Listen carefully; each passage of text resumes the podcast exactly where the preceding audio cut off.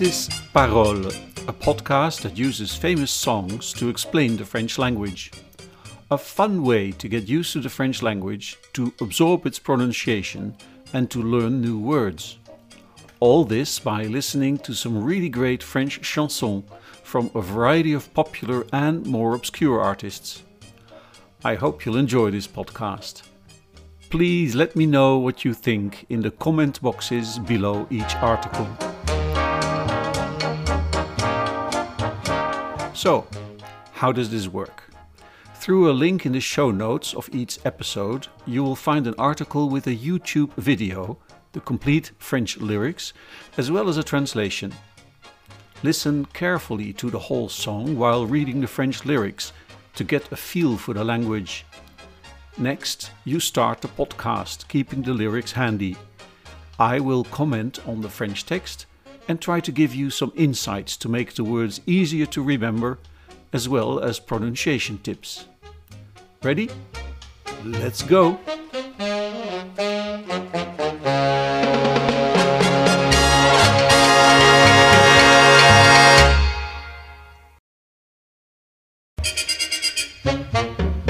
Welcome to the second episode of the podcast Paroles.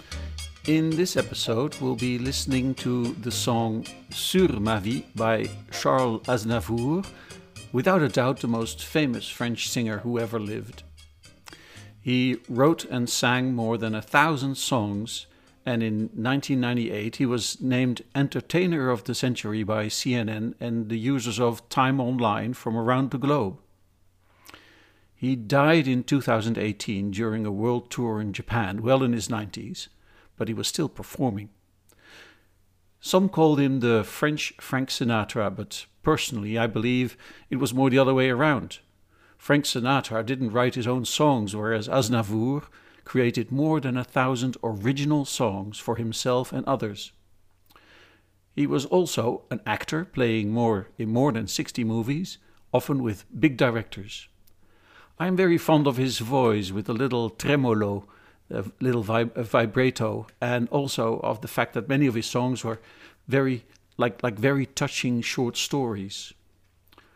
The song we are listening to today is a good example. It tells the story of a man who has vowed to always love a woman.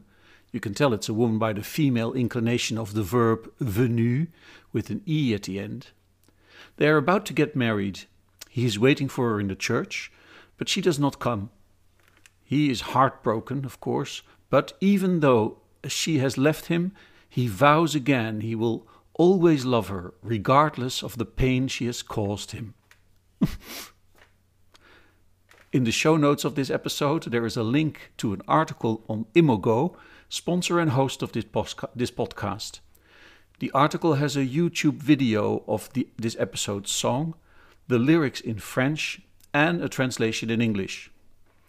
Before you continue with the podcast, please pause and listen to the song in the video a couple of times while reading the lyrics so you'll know what I'm talking about and you'll get a feeling for the pronunciation. Ready? Great. Let's have a look at the lyrics, shall we? The name of the song is Sur ma vie. It means on my life and it is uh, it's a promise. It is a, a sermon. It is almost like like a, like a prayer. And of course the word la vie the life you can recognize because of in english uh, you have words like uh, viable and vivacious lively. And everybody knows the exclamation vive la france! Long live france! Sur ma vie, je t'ai juré un jour. There we have the word juré, which is, uh, means swear. And we uh, recognize it because uh, in English there are words like jury and a juror. Those are people who swear to tell the truth. The word jour um, is um, um, also found in English. Uh, it means day, and we see it in the word journal. The word dernier Um, he says, uh, I'm going to love you until the dernier jour, the last uh, day of my days. And dernier is uh, not uh, known nowadays in English. There is no equivalent. Uh, it means last. Uh, even though I uh, understand that in the 19th century, uh, people would still, instead of saying a last resort, if they would, if they'd like to show off, they'd say a dernier resort. The word très is one that everybody knows because uh, you know the you know people even in English say c'est très bon, c'est très bon, but um, we have to be careful with the, uh, the pronunciation. Um, I often hear people say tray uh, with a diphthong at the end, a tray, but it's much more it's much shorter. Uh, uh, try to say after me, très, très, very short uh, and very concise. So not très, but très. très bon. In this case, what he says, très bientôt. Bientôt means uh, uh, soon. So tôt is uh, early and uh, bien is good. So this is uh, pretty early, soon. Très bientôt.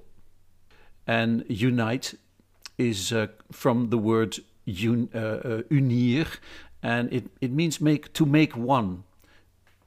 you have the word une, it means one. To unite is to make many things into une, and, uh, and that would make it unique. Le serment. Le serment is the sermon, or in this case, used in, uh, in the meaning of the promise. They wanted to, he wanted to make a bond with her in this church, and the bond uh, here is called lien. Um, uh, we in in English the word is still used, but uh, only in in very uh, let's say uh, official language. For instance, when you have a lien on your property, the bank can have a lien on your property, which means they have a kind of a claim on it, a link. Uh, so it means bond or link. If you uh, watch any French movies, which by the way I advise you to do because it's a wonderful way, especially if you watch them in the original version, of, of course, with the subtitles, wonderful way to learn a language at the very end of the movie, uh, it'll uh, it'll say the end in French. It'll say la fin, the end. Um, uh, very recognizable because in English we have words like final and of course finish. So that's the end.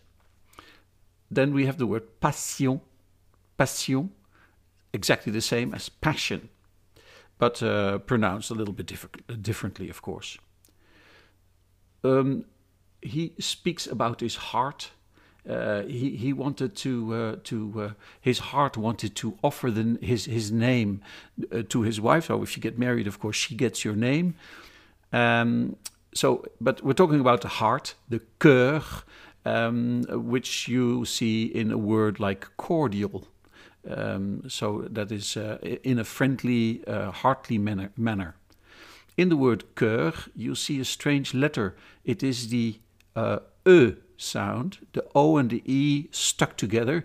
Um, they call this a ligature. We can see this in in uh, in English words, especially if you uh, look at um, more, um, let's say, scientific publications and scientific words, and you have words like amoeba, amoeba. So that's with the OE. You can write it with the OE or with the EU, but uh, or just with an E.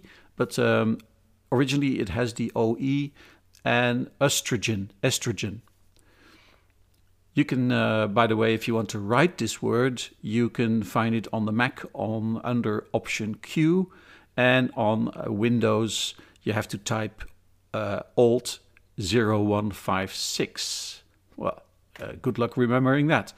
In any case, in the um, in the show notes, uh, I will uh, in the article I've put a little link with a very handy typing aid. There's a page that is called How to Type Anything, and they explain to you all the different symbols and uh, how you can type them. Continue with the word offrir. Uh, this means to offer, and it is uh, quite logical. It's not, not difficult. Then we have mon nom, my name. Um, the word nom is uh, nominative. It, it, is, it means name and it is a, a female word, so it is uh, not uh, Manon, uh, but mon nom. Let's just have a little look at the, the original lyrics again, where he says, uh, My heart wanted to offer you my name. So now we're finally in the church themselves. He, he places us in the church and he uh, sings of close of the organ, les, des orgues qui chantaient, the, or, the organ that was singing, um, face, facing God who was uh, praying. I was really lucky. I was really happy and waiting for you. Little did he know, but uh, this is what happens afterwards. Uh, first of all, let's uh, look at the word Dieu. This is French for God. And uh, you will uh, see the origin of the word uh, Dieu is, of course, from Latin Deo, and you'll see it in deity, in and in, of course, the exclamation Mon Dieu, my God. Unfortunately, uh, we have to say, but you didn't show up. And uh, he says that he uses the word mais, is a very useful word, of course. Uh, it means but, and you'll see it everywhere. So, but it's not mais or uh, it is it, again very like the très, very short. You say mais. But uh, God has uh, disappeared. Il a disparu. And to to appear is to uh, apparaître, and uh, disappear is, uh, of, of course, originally disapparaître, but the little a in between has has gotten lost in the pronunciation, and this became uh, uh, disappeared became disparu, because you didn't show up. Tu n'es pas venu. Here we can see that the the person that is not showing up, that has not come, is a female because at, uh, the word has an e at the end. So if it were would be would have been a man, it would have been pronounced exactly the same. Tu n'es pas venu, but it wouldn't have the e at the end. So uh, uh, venu means to have come uh, from the verb venir, and we can recognize this because we have a thing like a place where everybody shows up, and it's a venue. So it is a location to show up, a place to show up. Then we have the word jamais. Jamais means never. Um, unknown in English, except uh, in the in a description of a, a, a psychological disease.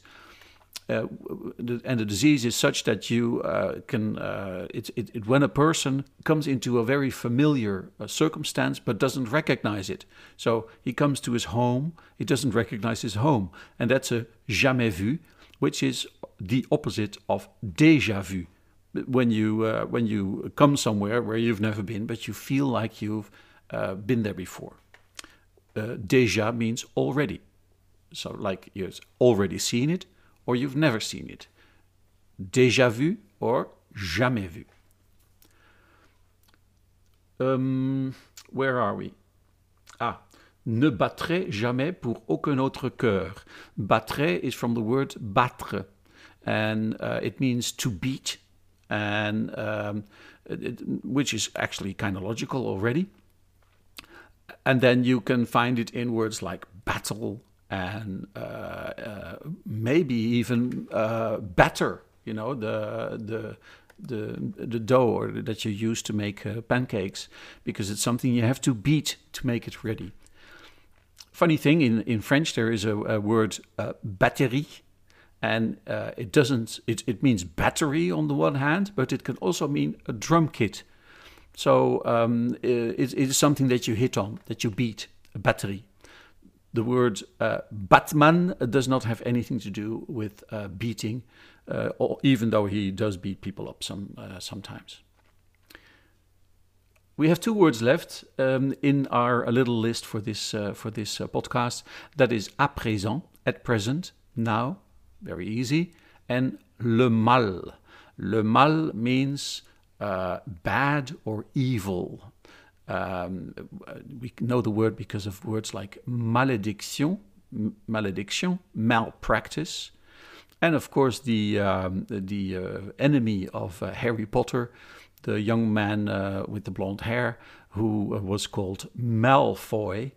um, which in French, Malfoy means bad faith. Really bad little uh, little fella. So, so far for the song uh, Sur ma vie, all my life. I hope you enjoyed and uh, maybe uh, talk to you next time. Bye bye.